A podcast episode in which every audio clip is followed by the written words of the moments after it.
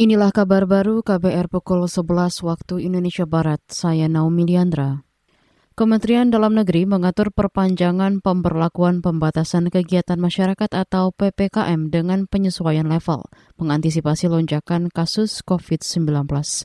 Dirjen Bina Administrasi Kewilayahan Kemendagri, Safrizal ZA, dalam keterangan tertulisnya menyebut, daerah di level 1 turun dari 40 menjadi 30 daerah – di level 2 turun dari 86 menjadi 57 daerah.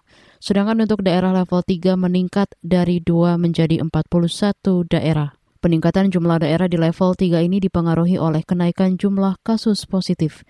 Menurutnya tracing dan bertambahnya tingkat keterisian tempat tidur di rumah sakit. Perubahan ini tertuang dalam instruksi Menteri Dalam Negeri Inmendagri yang berlaku pada 8 hingga 14 Februari mendatang.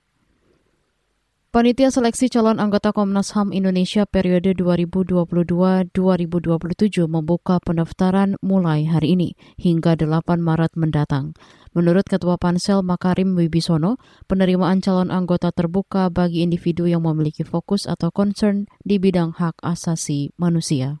Saya Makarim Wibisono yang ditunjuk menjadi Ketua Pansel Calon Anggota Komnas HAM RI 2022-2027 mewakili anggota pansel lainnya ingin menginformasikan tentang pembukaan pendaftaran calon anggota Komnas HAM RI yang akan menjabat untuk lima tahun mendatang. Ketua Pansel calon anggota Komnas HAM Makarim Wibisono menjelaskan, nantinya Pansel akan menjaring 14 orang untuk diajukan ke Dewan Perwakilan Rakyat.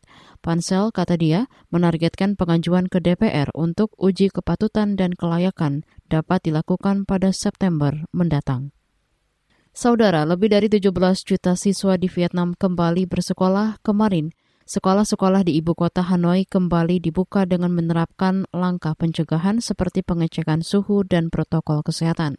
Kementerian Kesehatan setempat juga menyebut sebagian besar sekolah akan dibuka kembali pertengahan Februari ini. Selain itu, pemerintah Vietnam berencana memvaksinasi anak usia di atas 5 tahun. Vietnam bahkan berencana membeli 21,9 juta dosis vaksin produksi Pfizer BioNTech untuk anak usia 5 hingga 12 tahun.